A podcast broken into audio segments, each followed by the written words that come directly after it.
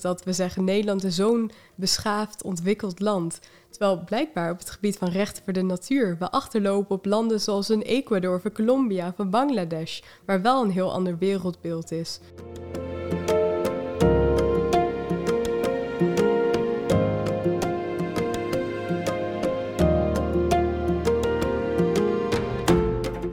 Hey, leuk dat je luistert naar Toekomst voor Natuur, aflevering 22. De podcast over natuur en natuurbescherming in de lage landen. Stel nou dat we niet langer de mens centraal stellen in hoe we naar natuur kijken, maar de natuur zelf of het leven zelf. Niet langer egocentrisch denken, maar ecocentrisch. Wat gebeurt er dan? En wat kunnen rechten voor natuur daarin betekenen? Ik ben Antoni Stip en in deze aflevering gaan we het daarover hebben. Ik spreek met niemand minder dan Jessica den Outer, milieujurist en expert op het gebied van rechten voor natuur. Jessica, van harte welkom in Toekomst voor Natuur. Dankjewel, leuk dat ik er mag zijn. Ja, hey, voordat we het verder gaan hebben over uh, rechten voor natuur, wil ik jou eerst even introduceren bij de luisteraars. Uh, je bent jurist, uh, je bent expert op het gebied van rechten voor natuur, maar je bent ook nog eens expert en ambassadeur voor het Harmony with Nature programma van de Verenigde Naties. Ehm, ik ben wel benieuwd, hoe is natuur op jouw pad gekomen? Ja, eigenlijk van heel jongs af aan al. Um, mijn opa die was ook heel erg geïnteresseerd in biologie en dergelijke. En die nam mij als klein meisje altijd mee op zijn rug in de tuin, waarbij we gingen kijken naar alle kleine insecten die daar rondkropen. En daarnaast ben ik ook opgegroeid in Lelystad, naast de Oostvaardersplassen. Dus ja, de intrinsieke motivatie om echt wat aan de natuur uh, te doen, dat, dat zit er wel in. Ja, mooi. En, en hoe ben jij eigenlijk als expert bij de VN terechtgekomen? Want dat lijkt me zeker op jouw leeftijd niet zo heel logisch. Uh. Ja, ik uh, studeerde milieurecht en het, ja, ik vond het eigenlijk heel vervelend dat ik al die wetten en regels zo uit mijn hoofd leerde. En ondertussen gaat de biodiversiteit achteruit. Hebben we te maken met de effecten van gevaarlijke klimaatverandering. En toen dacht ik, daar moet toch iets anders op te vinden zijn. Hoe kunnen we, uh, hoe kan je je juridische kennis inzetten om te pleiten voor een andere aanpak? En zo ben ik bij de Recht voor de Natuur terechtgekomen. Daar heb ik eerst mijn scriptie destijds over geschreven als studenten. En toen ben ik in aanraking gekomen met de Verenigde Naties, dit Harmony with Nature programma. En sindsdien doe ik een beetje onderzoek voor hun en ben ik aangesloten bij het netwerk als expert. Doe maar. Wat, uh, wat betekent natuur voor jou? Ja, um, ik vind dat lastig, want enerzijds praat ik over natuur en dan weten mensen direct wat je bedoelt. Je hebt het over bossen, bergen, rivieren en dergelijke. Maar anderzijds wil ik juist heel erg graag bijbrengen dat wij ook natuur zijn. Dus ik probeer er wel op te letten dat ik zeg rest van natuur. Uh, maar dat, ja, soms dan heb ik het toch echt wel over natuur, zodat mensen goed weten wat ik bedoel. Ja. En, en heb je ook favoriete natuur? Of, uh, en, kun je ons eens meenemen wat we dan uh, zien of horen of, of ruiken? Ah, nou eigenlijk is deze podcast in een heel goede periode opgenomen. De herfst is echt mijn favoriete seizoen. Kijk. Um, dus om nu in het bos te wandelen, dat is voor mij het mooiste wat er bestaat. Hè? De kleuren van de bladeren, de, um, het, de sompige grond, het modder, regen zelfs. Ik, ik geniet ervan. Ik vind het heerlijk in de herfst om in het bos te wandelen. Dat is echt mijn favoriete stuk natuur. Dus jij bent van Team Herfst? Team Herfst, zeker weten. Ja, oké. Okay. Nou, daar gaan een aantal twitteraars denk ik blij mee zijn. Ik zal geen namen noemen. Hoe kijk jij als, als jurist naar het huidige natuurbeleid, en dan met name even in Nederland? Ja, ik denk eerlijk gezegd uh, dat het echt tekort schiet. We hebben allerlei goed bedoelde wetten en regels. We hebben Natura 2000 gebieden. We hebben bijvoorbeeld een gebied zoals de Waddenzee, wat een erfgoedstatus bezit. En nog steeds hebben we te maken met enorme uitdagingen. Nou, niet eens om te spreken over de hele stikstofproblematiek. Uh, maar als je bijvoorbeeld kijkt naar de Waddenzee, wat dus inderdaad Natura 2000 en werelderfgoedstatus heeft, nog steeds heeft het gebied te maken met bedreigingen vanuit het toerisme of uh, militaire activiteiten, gaskabel, uh, zoutwinning. Dus voor mij zet het geen zoden aan de dijk. Het is niet voldoende op dit moment. Ik uh, ben zelf al heel wat jaren actief in de natuurbescherming. En wat, wij, wat mij wel opvalt is dat we ons pas gaan inzetten voor, voor een bepaald leefgebied of voor een bepaalde plant- of diersoort als die eigenlijk bedreigd is. Als die op de rode lijst staat en als het eigenlijk nou ja, al 5 voet 12 is. Hoe kijk jij daarnaar? Ja, daar ben ik het eigenlijk helemaal met je eens. Ehm, en wat mij ook, hè, als je verdiept in hoe de natuur eigenlijk werkt, dan begrijp je ook dat het, de natuur, het is een ecosysteem. Daar zijn wij dus ook onderdeel van. Alles staat met elkaar in verbinding, alles heeft invloed op elkaar. Dus dan vind ik het heel bijzonder dat we zeggen, bijvoorbeeld in Nederland, dit gedeelte is uh, landbouwgrond en het gedeelte ernaast is Natura 2000 gebied. Zonder dat we erkennen uh, dat alles met elkaar in verbinding staat. Dus ja, dat hele denken vanuit wat de natuur nodig heeft, wat het ecosysteem nodig heeft, dat zie ik niet terug in al die wetten en regels die we op dit moment hebben. Toch zou je ook kunnen zeggen dat um, zeg maar de juridisering van de natuur, dus um, Natura 2000, vogelrichtlijn, habitatrichtlijn enzovoort, dat die ook geleid heeft tot dat uh, ja, denken in spagaat, of niet? Ja, zeker. En wat ik meestal zeg, hè, daar kunnen we een hele uitgebreide discussie over voeren natuurlijk. Maar de grootste denkers van onze tijden, Aristoteles bijvoorbeeld, die stelde al dat de natuur, dat de mens buiten de rest van de natuur staat. En dat soort denken, dat zie je door de eeuwen heen in verschillende vormen terugkomen. En ik geloof dat dat zijn weerspiegeling heeft gebracht in het rechtssysteem. Dat we de natuur nu beschouwen als iets zonder rechten, als een object. Iets wat eigendom kan zijn, bijvoorbeeld. Ja. Wat me ook opvalt is, ehm, als je dus kijkt naar bescherming van natuur in Nederland, dan hebben we Natura 2000 gebieden die uh, genieten, uh, gelukkig zou ik zeggen, uh, enige juridische bescherming. Um, maar daar, buiten natuurgebieden is ook heel veel natuur te vinden. En uh, in het debat, zeker ook nu in het stikstofdebat, uh, vind ik het heel opmerkelijk dat we net doen alsof die natuur buiten natuurgebieden niet bestaat. Dus natuur is te vinden daar op die plek, hè, in, de, in de, de Oostvaardersplassen of in de Wadden of in het Heuvelland in Zuid-Limburg, noem maar op. En daarbuiten, ja, weet je, dat is ons domein en daar, daar zoekt de natuur het maar uit. Dat is er eigenlijk niet. Um, kunnen we wat aan die, uh, ja, aan die vreemde gang van zaken doen? Ja, ik denk dat het inderdaad kan. Um, bijvoorbeeld door middel van recht voor de natuur. En om daar een concreet voorbeeld van te geven. Uh, de Wangwani-rivier in Nieuw-Zeeland heeft rechtspersoonlijkheid. En voorheen heerste daar een soort beheermodel, wat wij ook in Nederland zien. Hè? Dus de rivier werd als het ware in stukjes opgedeeld. Dit is jouw bevoegdheid en dit behoort tot de mijne. En toen de rivier een rechtspersoon werd in 2017, toen hebben ze eigenlijk uh, erkend dat de rivier een holistische entiteit is. Vanuit de bergen waar die ontspringt tot aan de zee waar die in uitmondt. En nemen ze de hele verloop van de rivier, dat erkennen ze als rechtspersoon. En wat, is een, eh, wat moet ik me voorstellen bij een holistische entiteit? Ja, dat refereert natuurlijk ook aan de manier waarop die wet is opgesteld. Dat hebben zij in samenspraak gedaan met de Maori, de inheemse stam uh, in Nieuw-Zeeland. En die hebben natuurlijk een heel andere kijk op de natuur. En dat wordt vertaald in de wet. Dus dan zie je ja, uitspraken zoals ik ben de rivier en de rivier ben ik. Um, de rivier is een holistische entiteit. We erkennen ook de metafysische elementen van de rivier als rechtspersoon. Dus dat is eigenlijk wat meer de spirituele waarden van de Maori die in die wet vastgelegd worden. Oké, en kun je ons eens meenemen in, in welk probleem daarmee opgelost wordt? Zeg maar, als we natuur rechten geven. Ja, ik denk enerzijds kun je het vanuit een uh, groter standpunt bekijken, filosofisch standpunt. Uh, Christopher Stone, jurist uh, die in 1972 het artikel Should Trees Have Standing schreef, is eigenlijk de grondlegger van dit hele gedachtegoed. En hij maakt in zijn stuk een uitstapje naar vrouwenrechten en uh, tot slaafgemaakte. En hij zei, ooit vonden we het bizar dat tot slaafgemaakte eigen rechtspersonen werden. Ooit vonden we het bizar dat vrouwen dezelfde rechten verdienen. Waarom zijn we nu niet op het punt gekomen dat de natuur ook rechten moet hebben? Um, dus dat is eigenlijk het filosofische denken, waarbij je zegt, dit is een heel normale, logische ontwikkeling van het recht, de juridische emancipatie van de natuur. En, en het, uh, ik probeer nog even te denken welk probleem er dan opgelost wordt, maar dat is zeg maar onze, uh, onze houding, onze manier van uh, natuur behandelen en omgaan met natuur, of niet? Ja, dus wat ik zojuist uitlegde, dat gaat meer over het wereldbeeld, inderdaad. Ja. Dus dat de natuur, hè, de mens is onderdeel van de natuur, de natuur verdient gelijke status.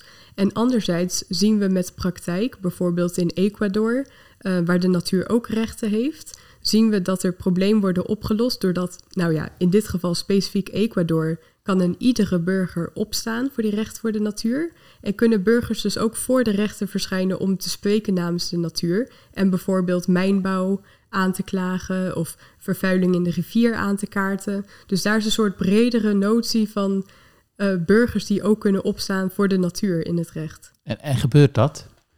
Ja, zeker. Dus Ecuador is een goed voorbeeld. Daar staat sinds 2008 rechten voor moeder aarde in de grondwet. Nou, grondwet, hè, de hoogste wet in het land, dus dat is sowieso al best bijzonder. Maar sindsdien zijn er uh, eh, 64 rechtszaken geweest. Uh, waarin burgers dus inderdaad zaken over vervuiling van rivieren, uh, mijnbouw in beschermde bossen, alle dit soort zaken hebben aangespand en hebben gewonnen. Dus ja, enerzijds, daarbij moet ik meteen een disclaimer maken, want dat zijn natuurlijk overwinningen in het recht. Ja. Maar anderzijds is het natuurlijk ook heel afhankelijk van een sociale, politieke en economische context van een land. Uh, want bijvoorbeeld de rechtszaak over vervuiling van de Vilcabamba-rivier in Ecuador heeft ertoe geleid dat pas acht jaar later de uitspraak van de rechters werd geïmplementeerd en de rivier daadwerkelijk werd opgeruimd van vervuiling. Um, dus dat is wel even, hè, een uitspraak van een rechter kan ook, dat moet natuurlijk wel geïmplementeerd worden. Ja, um, hoe, uh, hoe ver staat het eigenlijk met rechten voor natuur op, uh, op ons continent in Europa? Kun je daar ons wat eens over vertellen? Ja, het is eigenlijk best een jonge beweging nog. Hè? 1972, de eerste jurist die hier een stuk over schreef.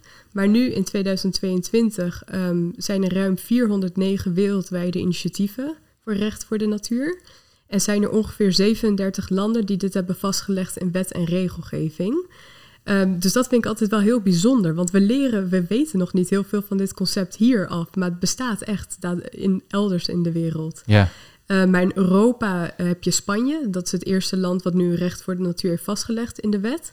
Maar in de lage landen ja, leeft het wel steeds meer, heb ik het gevoel. Mensen leren er steeds meer over. Politici spreken zich er voorzichtig over uit. Maar we hebben nog geen wet die dat daadwerkelijk vastlegt. Oké, en uh, ik kan me voorstellen dat dat wel wat met jou doet. Ben je daar nog mee, mee bezig met initiatieven? Of, Ja, zeker. Um, ik begon dus in 2017 in deze beweging. Toen deed ik onderzoek voornamelijk naar landen die dit al geïmplementeerd hadden, bijvoorbeeld in Ecuador of in Colombia of in Bangladesh. Maar in 2020 dacht ik, ik moet het naar huis brengen. Um, dus sindsdien zet ik mij in voor verschillende initiatieven in Nederland. Uh, bijvoorbeeld, ik help mee met de Waddenzee, uh, de Maas in de wet, Amelisweert en de Noordzee. Dat zijn eigenlijk de concrete initiatieven die op dit moment in Nederland werken aan de rechten voor de natuur. En, en hoe ziet dat er dan uit? Wat, wat wordt er dan wettelijk geregeld en, en waar, waar kun je dat aan merken? Ik kan het voorbeeld van uh, de Waddenzee geven. Dat is de eerste campagne eigenlijk die liep voor recht voor de natuur Nederland. In 2018 zijn mijn collega's juristen uh, bezig om te erkennen dat de Waddenzee een rechtspersoon zou moeten worden. Daartoe hebben zij bijvoorbeeld aanbevolen dat er een soort beheerautoriteit moet worden opgesteld. En daarin zouden niet alleen de overheden, maar ook natuurorganisaties, um, waddenkustbewoners, vissers, allerlei soorten mensen die de stem van de Waddenzee zouden kunnen vertegenwoordigen, samengebracht moeten worden om de Waddenzee als onafhankelijke rechtspersoon te representeren. Nou, dat was hun pleidooi. Ehm, toen is dat later opgepakt door gemeente Noord-East Friesland, die een soortgelijke aanbeveling deden. En toch is er in 2019 door de overheid een verzamelbrief Wadden uitgekomen, waar wel een beheerautoriteit werd opgesteld om de belangen van de Waddenzee te vertegenwoordigen. Maar die bestaat alleen maar uit vertegenwoordigers vanuit de overheid. Ik geloof vanuit LNV en INW. Okay. Um, ehm, dus ja, die campagne staat daar op dit moment. Maar dat is even om te laten zien hoe het in de praktijk zou kunnen werken. En daar wordt nog steeds aan gewerkt. En in welke wet moet dat dan komen, zeg maar? Is dat een nieuwe wet of is dat een, een, eh, een aanpassing van bestaande wetten of, of één wet? Kun je daar wat meer over vertellen? Ja, het is in verschillende landen verschillend uh, geregeld. Hè. Ik vertelde zojuist over Ecuador, daar staat het in de grondwet. Maar je hebt ook landen zoals Colombia, waar het voornamelijk door rechters wordt uitgesproken. In Oeganda staat het in de nationale milieuwet. Uh, dus ja, de vorm kan verschillend zijn. Uh, voor de Waddenzee specifiek bijvoorbeeld hebben zij um, het burgerlijk wetboek aangedragen. Waarin we bepaling hebben over rechtspersonen. Dat zijn bijvoorbeeld gemeenten ehm, of bedrijven kunnen rechtspersoonlijkheid bezitten. En ze zeggen het is heel makkelijk om dat aan te passen en ook de natuur daarin op te nemen. Maar anderzijds zou je ook kunnen zeggen, het kan ook in de grondwet komen te staan of in de omgevingswet. Dus ja, dat kan op verschillende manieren. Maar we hebben dus wel de voorbeelden van andere landen om te kijken wat werkt wel en wat werkt niet. Maar het moet natuurlijk wel in Nederlandse context passen. Ja.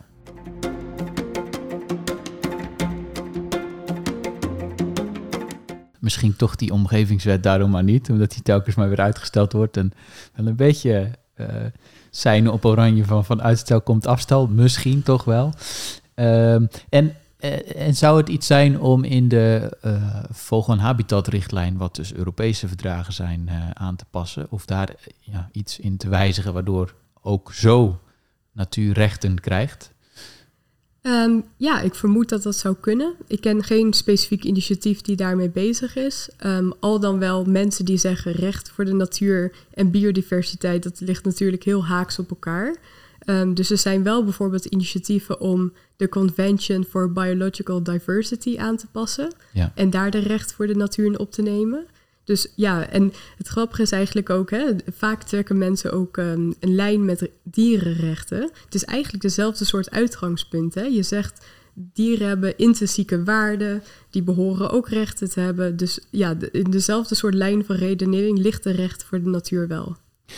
En kun je ons eens uh, meenemen in hoe, wat, jou betreft, wat jou betreft de grenzen liggen? Als in, ik kan me voorstellen dat... Um, je in huis uh, een keer uh, last hebt van muggen of weet ik wel wat, ja, mag je die dan niet meer doodslaan? Of hoe, hoe ver moet je gaan, zeg maar?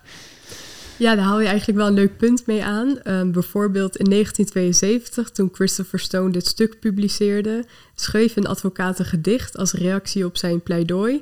En zei hij: Kan ik nu ook een boom aanklagen als zijn bladeren op mij vallen? dus in 1972 werd het uh, ja, eigenlijk al op die manier ontvangen. Um, maar wat we nu zien in de praktijk is dat het over specifieke natuurgebieden gaat. Dus bijvoorbeeld in Nieuw-Zeeland heeft een, een, rivier, een berg en een bos rechtspersoonlijkheid. In Ecuador gaat het over moeder aarde, Pachamama. Um, in Oeganda gaat het over natuur. In Bangladesh hebben 200 binnenlandse rivieren rechtspersoonlijkheid.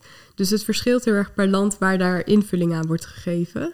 Maar tot heden hebben we geen voorbeeld gezien waarbij het over een individuele mug gaat, bijvoorbeeld. Oké, nee, want de voorbeelden die jij van Nederland noemde, dat zijn inderdaad concrete plekken. Dus daar zit, als je het even filosofisch uh, benadert, ook een plaatscomponent in, een ruimtelijke component. Um, en daarmee is het wel uh, interessant om meteen uh, te laten zien dat ja, we lopen tegen heel grote juridische vraagstukken aan. Want bijvoorbeeld, hoe definieer je de omvang, de geografische omvang van zo'n rechtspersoon? Hè, bijvoorbeeld het IJsselmeer staat in verbinding met de Waddenzee. Wat, wat krijgt dan precies rechtspersoonlijkheid? Ja. En in Mar Menor, dus in Spanje, dat is dus het eerste Europese natuurgebied dat rechten krijgt. Daar hebben ze samengewerkt met ecologen om de grenzen vast te stellen. En grappig genoeg hebben ze daar gezegd: het gaat niet alleen over het water, want ook de bassins om het water heen staan in verbinding met water en hebben invloed op, op elkaar. Dus samen hebben zij die grenzen vastgesteld. En het gebied rondom Mar Menor is nu dus ook erkend. Dat behoort tot die rechtspersoonlijkheid. Dus dat vind ik wel heel, heel interessant. Want die bassins die zijn door de mens gemaakt, of niet?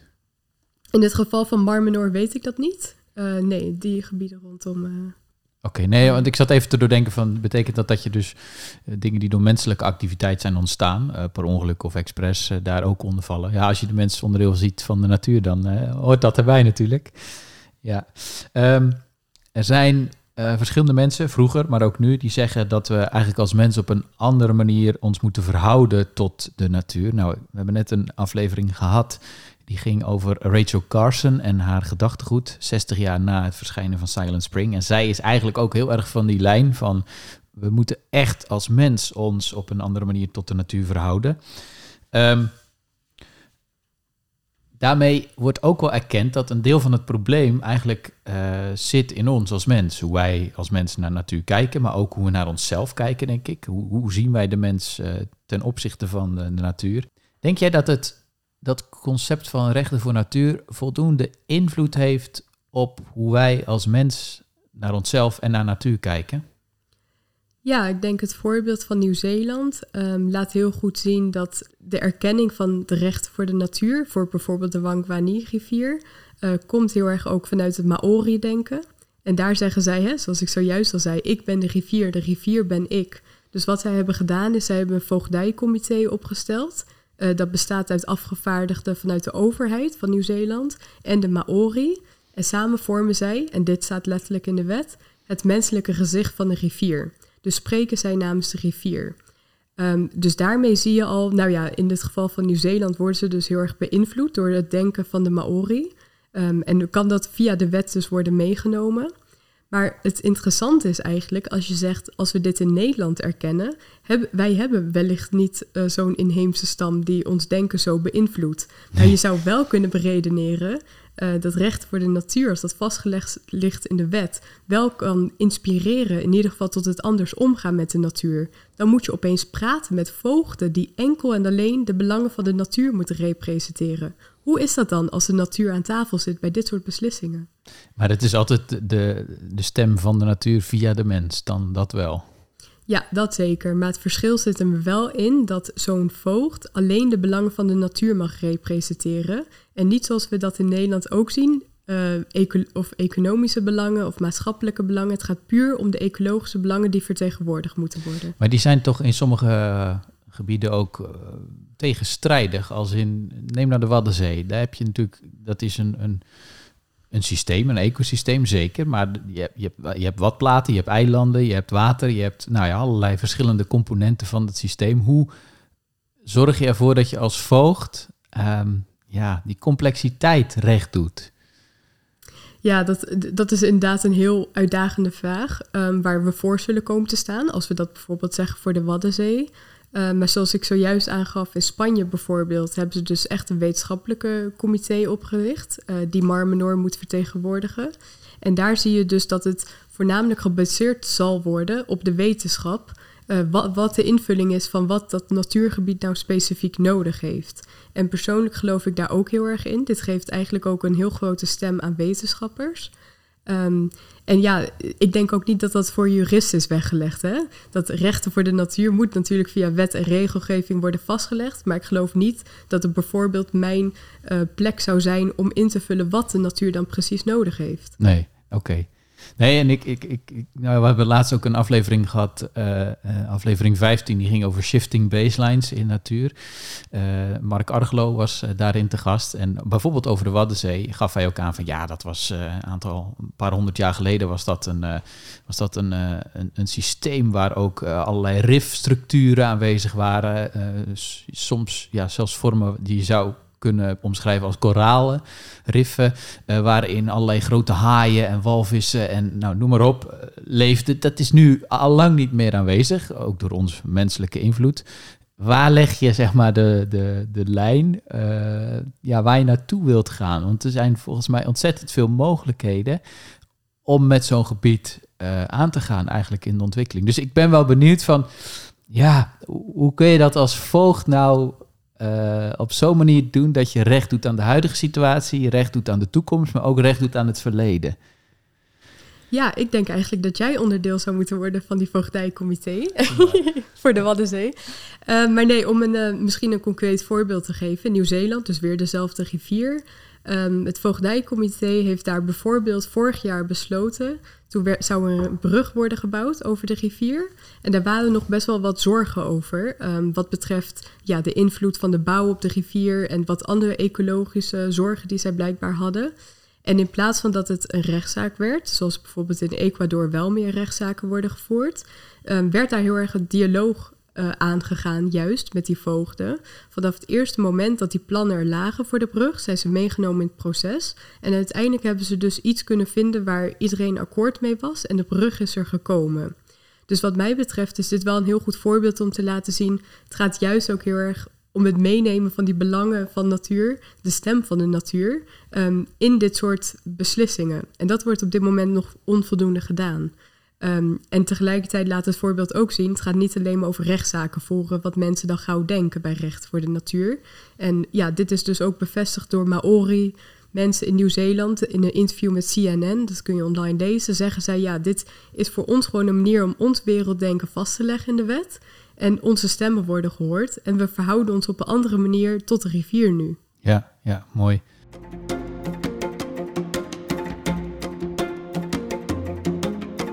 Hebt net een aantal initiatieven genoemd van Rechten voor de Natuur in Nederland. Wat voor impact kunnen die hebben in ons land? Ja, er lopen dus meerdere initiatieven, uh, waaronder één voor Amelis Weert. En ik denk dat de noodzaak daarvoor een andere aanpak heel duidelijk aanwezig is.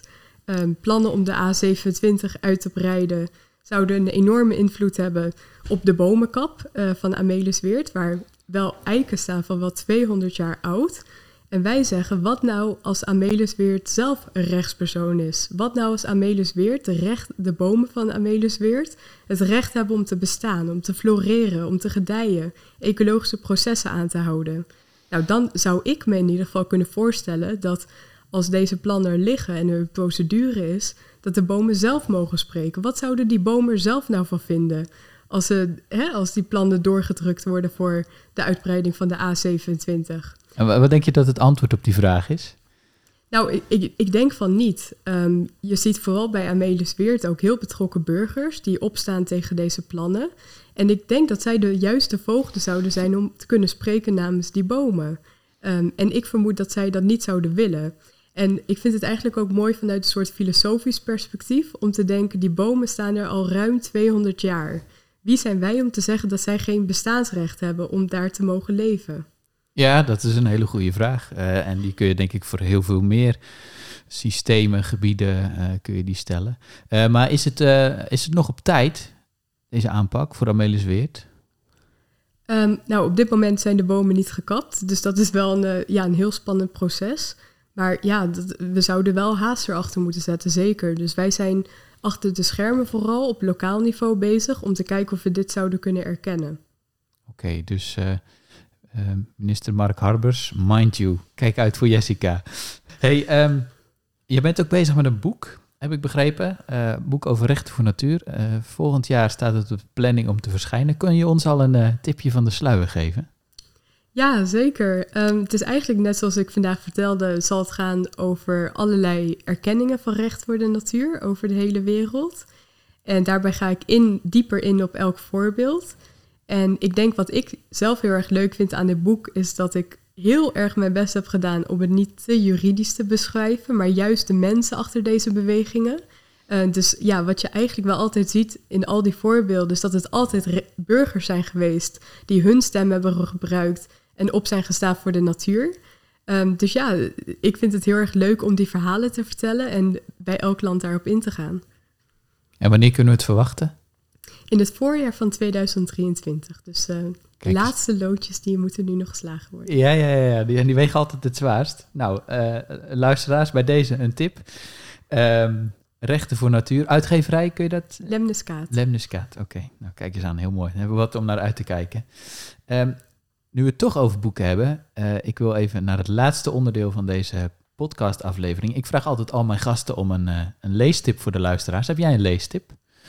Ja, en dat is eigenlijk een uh, Amerikaans boek, geloof ik, of een Engels boek. En het is geschreven door Laline Paul. En het heet The Bees. The Bees. En nou, het is eigenlijk voor mij een soort, het is een dystopisch uh, verhaal. En het is voor mij een soort kruising tussen The Handmaid's Tale en The Hunger Games. Yeah. Maar het gaat over een individuele bij die leeft in een bijenkolonie. En het beschrijft haar hele leven, de hiërarchie van bijen, um, wat voor bedreigingen zij allemaal meemaken. En ik heb nooit eerder een boek gelezen dat helemaal geschreven is vanuit het perspectief van de honingbij. Dus dat zou ik iedereen aanraden. Het verbreedt je wereldbeeld, het verbreedt je perspectief helemaal. Ja, ja, ja. The Bees. Nou, we zetten de beschrijving van het boek, uh, of de titel van het boek ook in de beschrijving van deze aflevering. Um, jij bent zelf jong, je zet je volle bak in voor uh, natuur. Um, wat zou jij andere jongeren willen meegeven die zich in willen zetten of misschien al inzetten voor natuur? Heb je tips voor hen? Ja, ik denk niet iedereen hoeft zich bezig te houden met recht voor de natuur. Dat is voor mij een heel juridische, een heel specifieke invulling uh, van mijn passie. Maar ja, ik zou eigenlijk aan iedereen zeggen: kijk waar jij goed in bent. Waar heb jij een specifieke passie voor? Zelfs de kleinste gewervelden hebben bescherming nodig. Dus zoek die invalshoek dat bij jou past. En ja, blijf je inzetten. Vraag er publiekelijk aandacht voor. Daar kunnen wij jongeren heel veel mee doen. Ja, en ehm, hebben we ook meer jongeren nodig die zich uitspreken?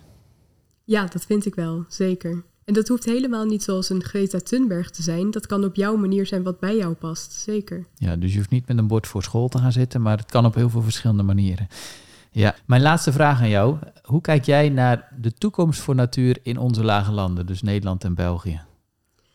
Ja, ik, ik ben van mijzelf een optimistisch persoon. Ehm, al, moet, al ben ik bang dat bij, voor deze vraag dat ik iets pessimistischer ben. Ehm, maar des te meer dat ik vind dat we aandacht moeten blijven vragen um, voor dit soort concepten en het anders denken en het anders kijken naar de natuur. En wat ik daarin heel erg leuk vind eigenlijk, is dat we zeggen Nederland is zo'n beschaafd, ontwikkeld land. Terwijl blijkbaar op het gebied van rechten voor de natuur we achterlopen op landen zoals een Ecuador of Colombia of Bangladesh, waar wel een heel ander wereldbeeld is. Dus ik mag hopen dat we, ja, echt, dat wereldbeeld is voor mij een fundament waarop we dingen kunnen veranderen. En je wilt eigenlijk Nederlanders ook uitdagen om daar eens uh, zich in te verdiepen. Proef ik ook een beetje tussen de regels door bij jou. Ja, zeker. Ja, we hebben niet, uh, we zijn niet de enige manier, onze manier van kijken is niet de enige manier waarop je naar de wereld kunt kijken. Mooi, dankjewel. Uh, hartelijk dank uh, Jessica, uh, milieujurist en rechten voor natuur-expert Jessica den Outer. Hartelijk bedankt. Dankjewel.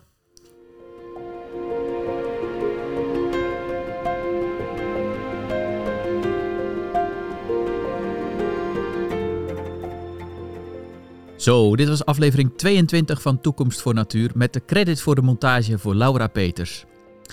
In de vorige aflevering ging het over Rachel Carson en we hadden een winactie voor het boek van Medard Hilhorst, onze gast in die aflevering. En dat boek dat heet Rachel Carson op de bres voor de aarde.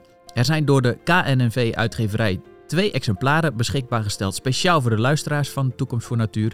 En die twee exemplaren zijn gewonnen door de volgende luisteraars: Thijs Huis en Laura Verbrugge. Van harte gefeliciteerd Thijs en Laura en geef nog even je adres aan ons door als je dat nog niet gedaan hebt en dan komt het boek zo spoedig mogelijk je kant op.